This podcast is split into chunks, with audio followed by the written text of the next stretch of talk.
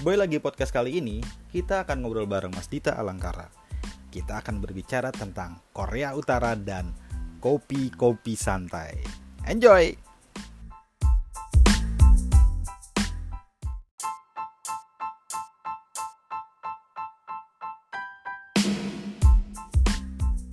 Selamat siang menjelang pagi. Enggak ya. Apa kabar Mas Dit? Selamat siang, Boy. Baik, baik, baik. Baik, Apa ya. kabar di situ? Baik, baik, alhamdulillah. Ya, kita masih pada di rumah aja ini ya. Lu udah udah mulai jalan-jalan ya? Eh, gue kerja tapi nggak tiap hari. Oh, Kita gitu. giliran keluarnya. Gua, Giliran ya. Tim gue ada tiga orang, jadi kita keluar gantian. Ha.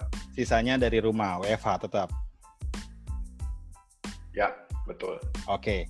Jadi eh, teman-teman ini yang tadi eh, gua janjikan dia. Kita ada Mas Dita Alangkara di sini. Akhirnya setelah sekian lama kita ngobrol baru kesempatan ngobrol berdua aja dan bisa didengar eh, sama teman-teman di luar sana ya Mas Dit ya. Minta izin ya Mas Dit ya. Yes. Lanjut. Lanjut ya. Oke. Gue bakalan ada kasih beberapa pertanyaan nih Mas Dit. Eh, tapi sebenarnya pertanyaannya susah itu ya. wah gila ini susah banget sih gue bakal ngasihnya. Akar kuadrat gitu-gitu loh. Oh ya, matematika. Enggak, enggak. Pokoknya intinya kalau di Boy Lagi Podcast itu gue kasih pertanyaan yang amat sangat eh, enteng banget, light banget yang sebenarnya gue kepingin orang-orang yang banyak belum tahu dengan eh, apa pun atau siapa pun yang orang gue ajak ngobrol. Kayak misalnya, ya nanti deh gue tanyain gitu. Ini pertanyaan Hmm. umum nomor satu dulu ya. Pertama gue tanya, sebenarnya Mas, Ya. gue udah tahu sih kalau udah cari-cari tahu gitu. Sebenarnya teman-teman juga udah banyak tahu. Motret dari tahun berapa sebenarnya Mas Dit? waduh.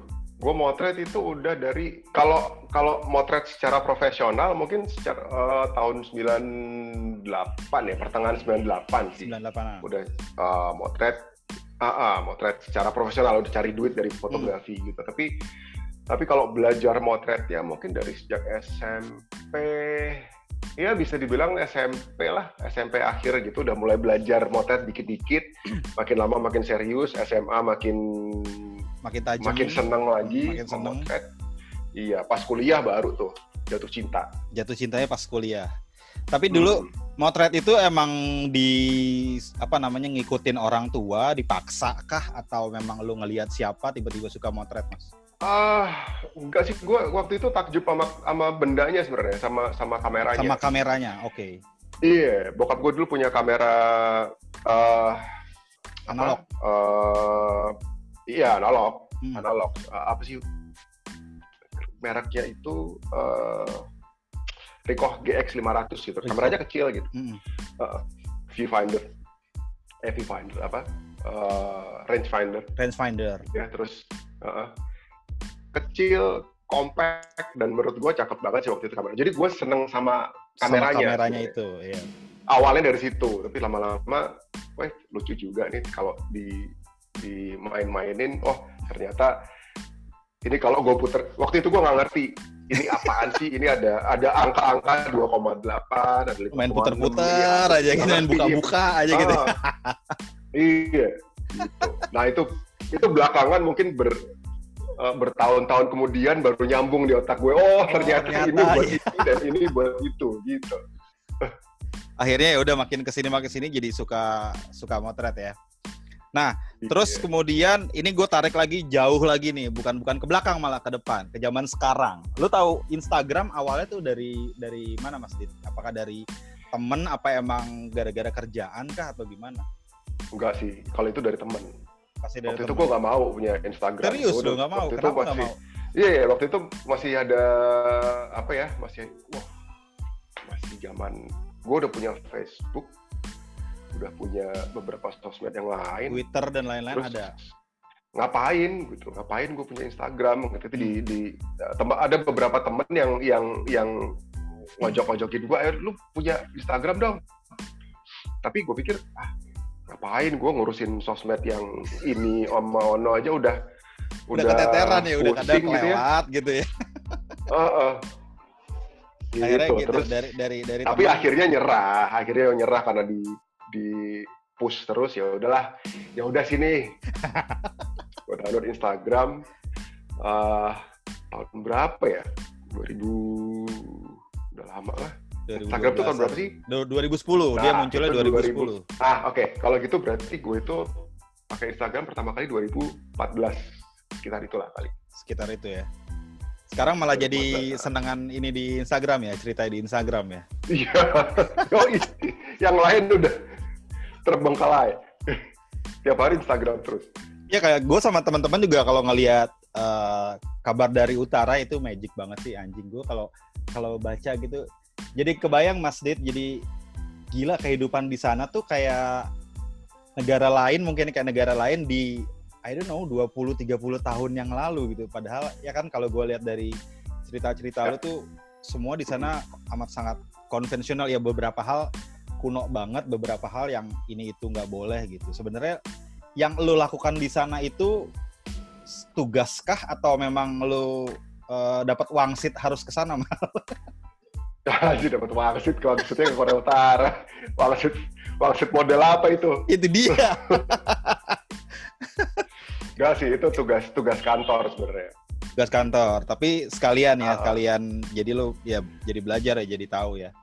Kalau misalnya gue iya, mau tanya nih Mas Tit, ini mungkin udah udah sering banget kan di di webinar uh, soal kabar dari utara lah, lo diundang mana soal cerita ini. Gue pengen tahu nih, apa nggak ada nggak sih yang hal paling bikin lo kaget pas di Korea Utara atau yang anjing ini serius nih gitu? Itu pasti kan culture shocknya beda-beda kan setiap negara setiap lo datangin atau setiap daerah yang lo datangin nah di Korea Utara ini entah di kota mana pun yang bikin yang bikin lo anjing ini serius nih begini gitu. Yang lo belum pernah mengalami sebelumnya gitu. Kan pasti banyak ada nggak salah satu yang bikin lo kaget banget gitu? Uh, yang bikin kaget banget sih gak ada ya. Karena sebelumnya kan gue udah di gue gue kan orang ke jadi kantor gue itu punya punya biro di sana. Hmm. punya biro di Korea Utara dan gue fotografer ketiga yang ditugaskan untuk meliput Korea Utara. Hmm. Jadi sebelumnya gue udah punya, udah udah di brief dulu lah. Udah di brief dulu. Nanti ya. begini, begitu, nanti di sana akan begini. Jadi ketika sampai sana nggak nggak nggak terlalu shock, shock juga. banget. Nggak nggak ya nggak terlalu karena udah dikasih tahu sebelumnya. Karena udah di brief sebelumnya. Itu cuma cuma yang yang uh, apa yang butuh penyesuaian kalau gue bilang sih hmm. itu kan mereka itu sebenarnya hampir sama lah kayak kayak orang Asia pada umumnya gitu. Ya. Kita okay. kan selalu pengen pengen dilihat bagus gitu kan. Hmm. Kita sangat hmm. menjaga sopan santun. Betul. Sangat uh, apa uh, budaya Asia itu hormat pada orang tua, orang yang lebih tua. Yeah, yeah. Uh, kita pengen selalu terlihat rapi. Bayangin kalau ada tamu datang ke rumah kita terus kita cuma pakai kolor sama singlet yeah, yeah. kan kita malu gitu kan. Iya, yeah, betul. Nah, di sana juga begitu sebenarnya cuma hmm. cuma agak ekstrim aja gitu cuma jadi, ekstrim ekstrimnya tuh kayak gimana nih lebih kelewatan ya ekstrim itu ekstrim itu gini jadi mereka tidak mau mereka mereka ya udah kalau kita pakai kolor sama singlet kita malu kan ya udah yeah. kalau gitu kita pakai sarung oke okay lah nggak apa-apa gitu. tapi kalau mereka itu uh, mereka benar-benar selalu pengen terlihat sempurna di mata terlihat rapi oke okay. uh, gitu jadi jadi apa kalau ada barang-barang semua yang belum siap gitu ya itu mereka mereka nggak mau nerima uh, nggak mau nggak mau kita ngelihat gitu nggak mau mengiyakan lah istilahnya iya ya. akhirnya oh, akhirnya okay. itulah akhirnya yang bikin mereka nutup nutupin banyak hal oke okay. itu karena itu kalau begitu jadi begitu udah siap udah jadi keren wah mereka dengan bangga akan menunjukkannya menunjukkannya oh oke okay. hmm. lo ada berapa lama ya di sana ya mas Titi ya pas terakhir kemarin uh, itu? Eh, gue setiap kali ke sana itu ya 7 sampai 10 hari lah. 7 sampai 10 hari. Uh, uh. Dan itu udah udah lama-lama ya jadi udah mulai biasa ya. Uh, iya. Udah mulai biasa. Sama makanannya pun Uh, makanannya uh, ternyata di sana banyak makanan macam-macam kok. Nggak nggak nggak ini. Gua nggak kesulitan untuk cari makan makanan yang Uh, uh. Tapi bener nggak sih kayak fast, dari... fast food gitu-gitu di sana uh, ada yang nggak ada ya? Maksudnya entah itu McD atau KFC gitu-gitu. McD nggak ada, brand-brand itu nggak ada. Brand-brand itu memang nggak ada ya. Tentunya nggak ada. Tentunya Karena itu, ada. itu brand kapitalis yang yang tidak sosialis gitu ya. Oh, right. Uh, siap. tapi tapi tapi pizza, burger gitu Mereka ada. punya. ayam ada ada ayam goreng ayam goreng model-model Fried chicken gitu-gitu ada? French fries ada Oh, oke. Tapi lokal. cuma brandnya itu lokal. Oh, oke. Taste-nya gua se- ya ah, ah, tesnya ya ya kurang lebih mirip. apalah ayam goreng ayam goreng gitu kan yang KW-KWan gitu juga rasanya Iya, di sini juga banyak ya, benar-benar. Yang penting garing ya. Ya, ya, ya, ya. Bahkan, oh, ada ada sebuah coffee shop yang yang dia menyajikan kop.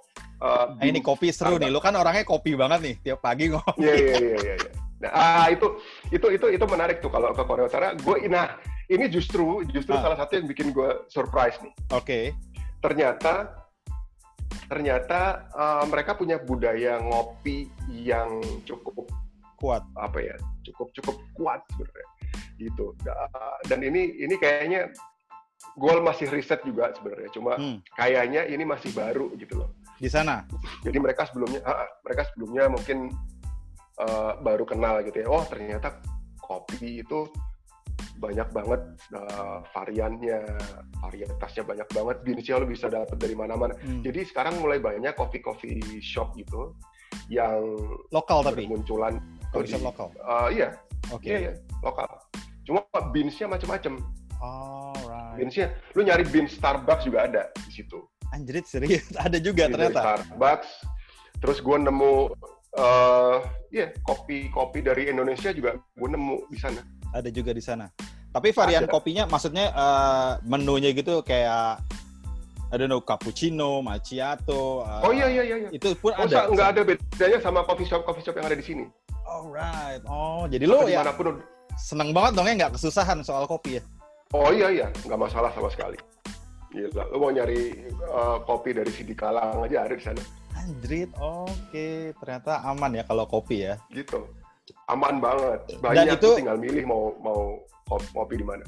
Coffee shopnya pun ya, apa namanya banyak. Maksud gue jaraknya jauh-jauh kah atau eh, nggak? lo nggak kesusahan nyari coffee shop dari tempat lo Eh, tinggal nggak misalnya? jauh sih sebenarnya nggak nggak nggak jauh cuma cuma kan gue nggak bisa jalan-jalan sendiri kalau di sana Oke. gue harus ditemenin sama Ada guide di sananya orang awal sananya gitu ya. gue, ah, ah, iya Alright. nggak Terus bisa tuh jalan-jalan sendiri kalau gua ngelihat dari postingan lu beberapa waktu lalu yang kabar dari utara itu kan ada yang kolam renang umum tuh mas yang lu Ya. bilang gede banget itu kan Mm-mm. itu apakah eh, I don't know setiap hari dia buka kah? Atau memang hari-hari weekend aja kah? Atau dan memang sepenuh itu?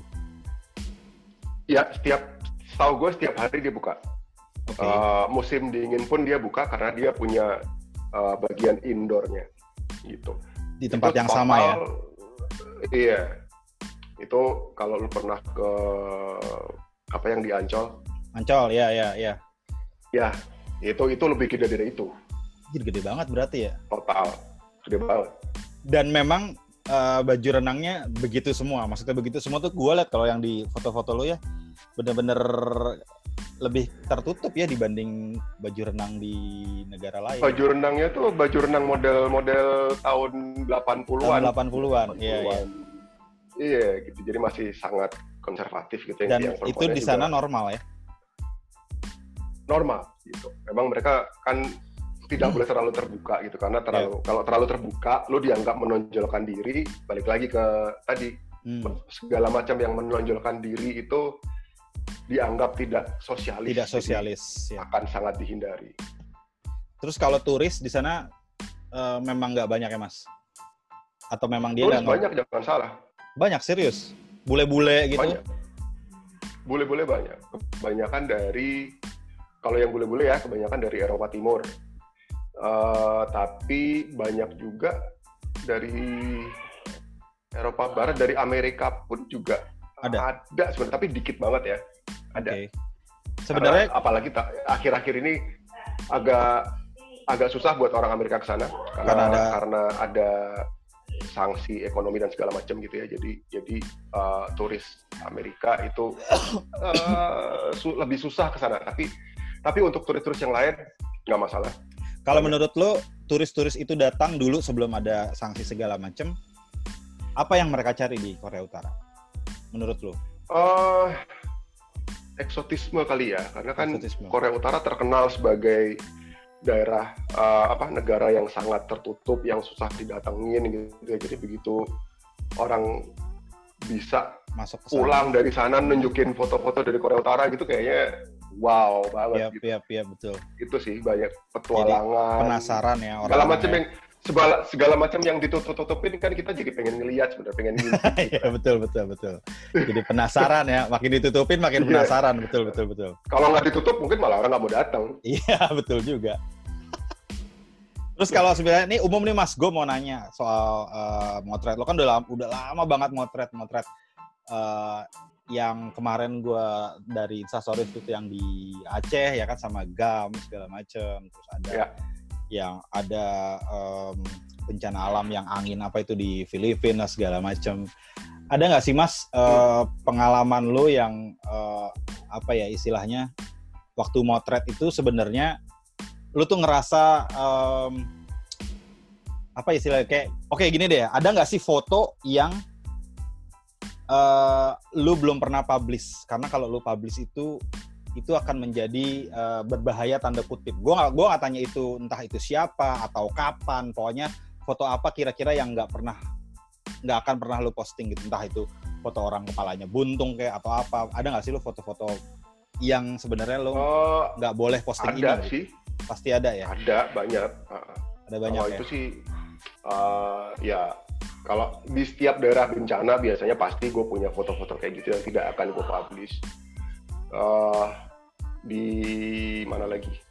Uh, di Ambon juga banyak yang pas kerusuhan itu foto-foto yang iya foto-foto yang yang ini ya ini nggak akan nyampe ke mana-mana gitu mau mau dipublish untuk kerjaan nggak bisa mau ke Instagram apalagi apalagi ya, Ya dan udah. lo lo keep Uh-uh. sendiri iya oke berarti ya Gitu. emang ya karena karena gue kemarin-kemarin ngobrol sama teman-teman juga sama yang kan kemarin tempo hari kan ada yang demo di Banwaslu lah segala macam tuh kan banyak kan foto-foto Iya. nah gue ngelihat Hmm. ada beberapa temen-temen yang sebenarnya bukan jurnalis gitu mas tapi dia Hmm. posting foto yang kalau menurut gue anjir nih kayak lu salah deh lo posting ini gitu karena terlalu terlalu gore ya kalau menurut gue ya terlalu ya terlalu ya, ya. darah gitu-gitu Hmm. gitu tapi sebenarnya ada nggak sih peraturan eh, khususnya buat para eh, fotografer atau jurnalis yang se- sebenarnya lo nggak usah nanya ke mana pun ini nggak boleh di posting gitu mas? Ada batasannya nggak sih? Kalau jurnalis sih pasti ada ya karena jurnalis jurnalis jurnalis itu kan sebuah profesi yang sangat di apa dibatasi oleh uh, belenggu belenggu etika gitu yang Ini sangat itulah. kadang-kadang sangat rigid ya ya. dan ya udah sangat kaku gitu kadang-kadang. Hmm. Kalau untuk itu untuk foto-foto yang berdarah-darah kalau kita Hmm. ngomongin spesifik itu, Hmm.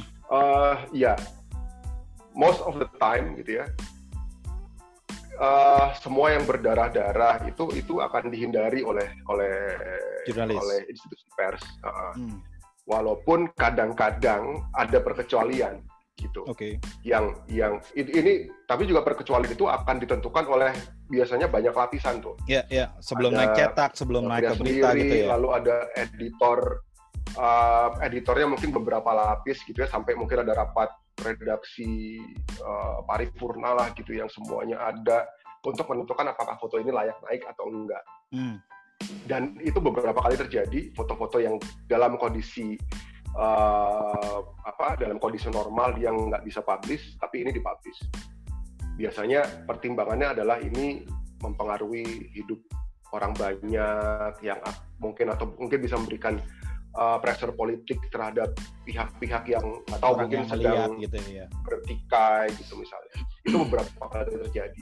Misalnya uh, apa ya waktu itu ah pasti inget nggak? Inget nggak ada uh, foto anak kecil yang meninggal di pantai di Turki nah itu juga itu dalam keadaan normal itu tidak akan dipublish Oke. Ada ma- foto mayat anak kecil yang kelihatan mukanya dan segala macam itu itu big no no biasanya. Iya, dan itu padahal Cuma- jelas banget. Iya, iya.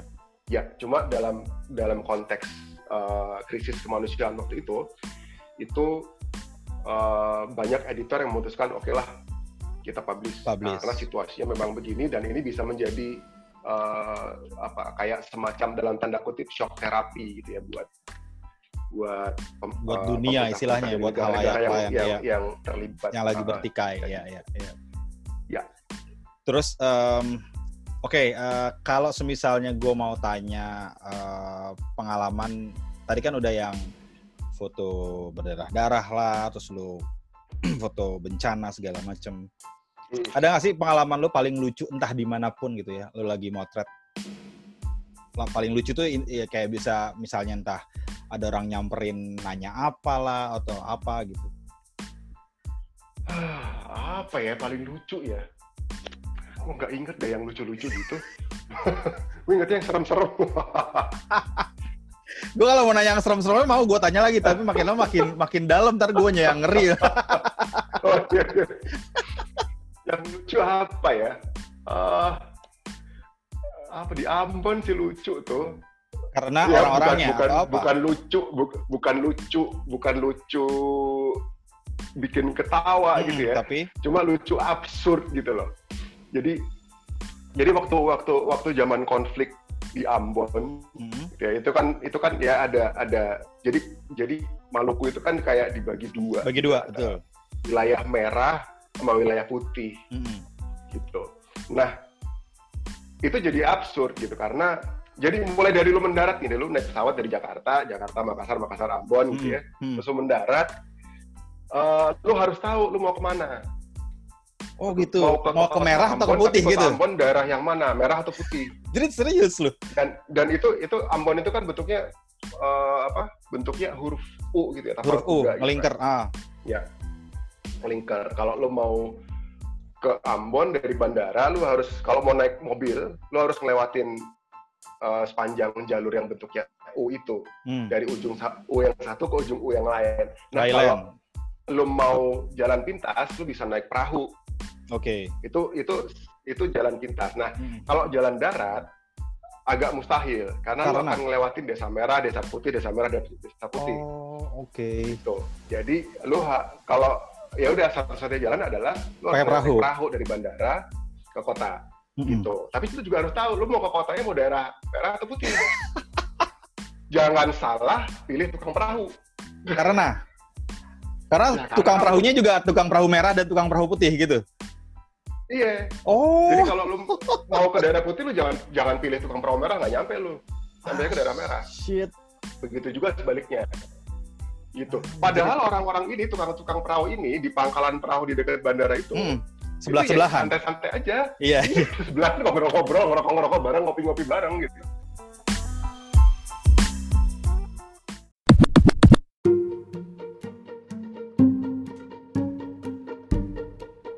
Jadi kalau kalau gue boleh tanya, lu membedakan Nah itu si merah dan si putih gimana, Mas? nanya aja, Ya, nanya aja langsung itu. Mas, Iya, nanya dari nanya aja enggak? Ya, lu harus lu harus makanya lu harus tahu mendarat di mana. Dari situ lu bilang, eh gue mau ke kalau daerah putih itu namanya apa, apa sih? Kalau yang gue ingat itu belakang, istilahnya belakang kota kalau nggak salah. Hmm. Gitu. Ah, ya, saya mau ke belakang kota. Oh, tuh sama sama yang ini. Oh, oke. Hmm. Terus dianterin sampai langsung sana. dianterin. Iya. Itu baru di baru mau baru mendarat ya. Begitu di kotanya juga lebih absurd lagi gitu. Sama Ah. gitu juga. Bayangin, bay ya bayangin itu itu misalnya lu kerja di sebuah eh, apa eh, bank gitu ya. Hmm. Bank itu kan cabangnya Banyak. cuma satu biasanya. Betul. Ya. Ya. Nah, nah itu juga itu juga aneh tuh. Jadi kalau lu mau apa minta tanda tangan sama bos lu gitu ya. Hmm. Bos lu kantornya di Cabang di yang seberang. seberang, sana. Ha. di Jepang di daerah eh, Yang beda warna lah istilahnya. beda warna. Hmm. Nah, lu harus gimana caranya? Lu nggak bisa nyebrang. Jadi solusinya adalah mereka punya sebuah daerah netral gitu di, di kota. Anjay. Tengah-tengahnya gitu ya. Jadi untuk hal-hal kayak gini mereka ketemu di tengah situ. tanda tangan atau pertukaran dokumen itu semuanya dilakukan di situ.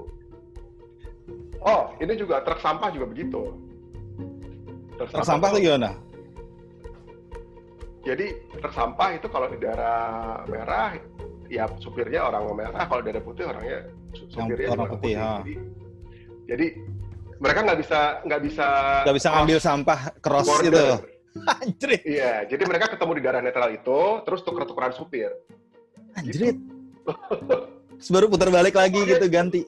Iya. Anjrit. Pokoknya itu zaman itu itu ribet sekali. Jadi jadi uh, udah syukur alhamdulillah banget sekarang udah aman dan Iya iya iya sekarang udah udah orang juga banyak traveling ke Ambon juga. Ya, sepertinya orang-orang Maluku juga gue salut banget mereka hmm. bisa menjaga itu udah ber gue terakhir konflik di sana itu 2004 sampai sekarang alhamdulillah nggak ada lagi iya. orang-orang yeah. Maluku gue banget bisa menjaga itu selama sampai sekarang masih terjaga itu. Yeah. Beberapa kali ada ada provokasi tapi tapi mereka bisa menyelesaikan dengan dengan damai. Iya. Yeah. Hebat. Thanks God ya, aman-aman aja ya. ya. Terus uh, ini berikutnya gue mau nanya soal kopi. Nah, yes. kita kan orang-orang yang tos kopi nih istilahnya suka ngopi tiap hari lah Yes gue kalau ngeliat stories lu ya tiap hari sudah ngopi kah hari ini serius lu gue pernah beberapa kali ya mas Dit begitu ngeliat stories anjir gue belum ngopi itu gara-gara stories lu habis dari gue ngeliat lu langsung gue bener-bener tiba-tiba bikin kopi gitu dan gue udah udah memasuki uh, orang yang uh, semua kopi menurut gue enak gitu karena bukan gue bukan tipe ya. orang yang ya. uh, hmm, ini arabica dari aroma oh, iya. gitu udah Setuju. Eh, eh lah gitu pokoknya kopi kapal api lah apa gua minum yang penting kopi gua gitu kan. setuju. kan. gua aliran dulu juga deh. Iya itu makanya. Bahkan gua kadang kalau semisalnya gua lupa bikin kopi misalnya telat setengah jam lah misalnya biasa ngopi jam 8 jam 9 gua anjir gua belum bikin kopi. Terus gua bikin kopi nih gua cuma bikin doang aja itu rasanya seneng banget mas. Kayak ya, ya, aromanya ya, ya, sendiri bikin gitu terus minum tuh kayaknya me time gue itu deh gitu umur seumur gue sekarang ya Dan lo kalau gue mau tanya, uh, kalau boleh tahu sehari ngopi bisa berapa kali?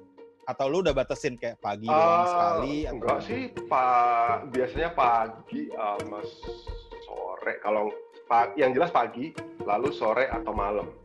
Oke, okay. sore gitu. atau malam. Kalau malam itu biasanya kalau uh, ada, nah ini nih akhir-akhir ini kan suka ada zoom gitu ya, yeah, iya. meeting yeah. atau sharing. Buat nemenin ngezoom, nemenin webinar nah, itu, ya. Itu pasti pasti pasti ada kopinya itu. Gitu. Tapi yang jelas pagi dan itu tadi, yang jelas pagi sama sore ya, atau malam. Sore ya malam. Oh, pagi udah pasti ada ya. Sore dan atau malam. Oh siap. Sering seringnya sih dan. Seringnya dan. Tiga kali berarti ya. Nah terus ya. uh, kalau nih kita udah mau di penghujung acara nih anjir penghujung acara dong. Ah. kalau misalnya gue mau tanya uh, gimana menurut lo perkembangan anak anak zaman sekarang di bidang fotografi gitu atau kalau kalau dari gue sisi uh, Instagramnya gitu foto-foto di Instagram atau apa ngelihat lu ngelihat perkembangan anak-anak zaman sekarang anak anak muda zaman sekarang tuh gimana mas dibanding wah ini bisa bisa panjang nih bisa panjang ya beda bisa satu sesi sendiri ya bisa ah, gimana kalau kita masukin episode dua? Oh boleh ya. Dia request lo guys. Ya. Gini, gini. gini gini, tapi singkatnya gini. Ah. Sekarang uh. itu uh, udah nggak ada alasan lagi untuk nggak belajar, Betul. belajar apa pun. Karena belajar fotografi, apa pun ya termasuk fotografi juga, Betul. fotografi terutama dalam konteks ini yang kita lagi omongin, itu belajar fotografi itu udah gampang banget. Gitu. Digampangin Sekarang banget. Mau belajar teknik apa aja, itu hmm. bisa dari mana aja mau dari ah tinggal buka YouTube gitu yeah, udah yeah, yeah. nemu semua deh lu mau belajar apa aja betul gitu. Jadi soal soal teknis sih udah nggak nggak masalah. Nggak ada alasan buat nggak belajar. Iya yeah, betul. Ah uh, cuma uh, kalau lu udah punya skill itu kalau udah lu punya skill fotografi yang udah lu pelajari itu hmm. terus mau dikemanain? Oke. Okay. gitu. Nah itu tugas tugas yang lebih berat sebenarnya adalah di situ. adalah menggunakan skill itu untuk bisa berkarya, untuk bisa me, eh, berkarya dulu lah. Setelah setelah itu mau menginspirasi orang atau menggunakannya untuk untuk segala macam hal yang ya harusnya yang positif ya. Iya, iya, Ya, iya, itu betul. terserah kita. Nah, nah itu itu mungkin sekarang tantangannya justru di situ. gitu. Next step-nya apa gitu ya, betul. Yes, kalau udah punya skill, so what gitu. Yes. So what-ismenya itu loh. Iya, so what-nya itu ya. Ya, itu itu itu dan itu sebenarnya opportunity-nya banyak banget. Banyak banget. Asal kita mau mau kita. belajar, mau nyari tahu, gampang sih biasanya. Ya, Konsisten. Kalau kata Mas Aris Lukman waktu itu konsisten itu yang susah, tapi Konsisten. kalau Nah, udah konsisten satu, gampang. ya. itu salah satu tantangannya. Itu Alright. menurut gue itu zaman sekarang begitu. Tantangannya udah, udah bukan bukan uh, belajar skill lagi, tapi belajar menggunakan skill itu untuk apa, Mau ngapain, mau ke mananya gitu ya. mau ngapain. Iya betul. Oke, eh, terakhir Mas Dit, gue kan punya punya jualan tanda kutip punya jualan mimpi blow on nih. Gue punya hashtag Hmm. mimpi blow on. Nah, gue pengen tahu nih mimpi blow on seorang Dita Alangkara tuh sebenarnya apa sih mimpi mimpi mimpi blow on lo yang I don't know. Gue kemarin nanya sama ada teman gue pengen nonton Rolling Stones gitu yang sebenarnya mungkin nggak mungkin gitu. Rolling Stones orangnya masih pada hidup sebenarnya tapi apakah mereka akan manggung lagi sedangkan umur mereka udah pada 70 hampir 80 tahun. Ada nggak sih mimpi blow on Mas Dit yang gue pengen deh apa gitu yang bukan cita-cita ya Ah. bukan ini ya Gue pengen bikin buku tentang Korea Utara. shit itu sih keren kabar dari utara Dita cuma- Alangkara ya, gitu ya Cuma ya itu itu tapi itu banyak banyak akan banyak tantangannya ya. Hmm. tapi ya Kalau dengan mobilan dengan dengan apa yang ini. sudah lo jalanin di Korea Utara harusnya bisa sih mas masalah waktu ya kayaknya harus harusnya tapi mungkin mungkin buat orang biasa gue mungkin jadi oh tahu banyak banget tentang Korea Utara sih mas. Gitu. Padahal enggak juga gitu loh. Gue itu baru gue gue baru berapa? Eh, 12 13 14 kali ke sana. 14 kali. Ya. baru ya? Rese. Iya. Yang yang yang udah 50 sampai 100 kali juga ada gitu loh. Iya iya dan iya. mereka tahu jauh lebih banyak dari gue gitu ya. Karena gini kalau ngomong kalau kalau ngomong tentang Korea Utara buat gue Hmm. waktu gue berangkat ke sana pas gue balik itu gue lebih punya banyak pertanyaan daripada jawaban Alright, oke oke oke jadi Justru itu Jadi- seru loh, maksud gue jadi lo makin makin makanya pengen terus kan? makanya makanya kalau gue bikin buku gue harus paling enggak gue harus punya pengetahuan yang mungkin 10 kali lipat dari yang gue punya sekarang Hmm, hmm.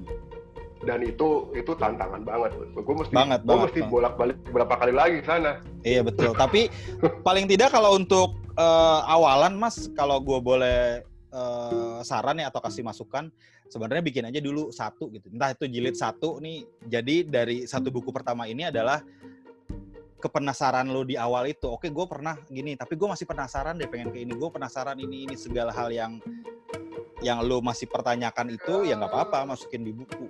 Nanti jilid bisa keduanya juga saya berangkat lagi. Tapi kalau di, misalnya bisa juga kalau ditanya lu pengen lagi nggak ke Korea Utara? Jawabannya pasti pengen.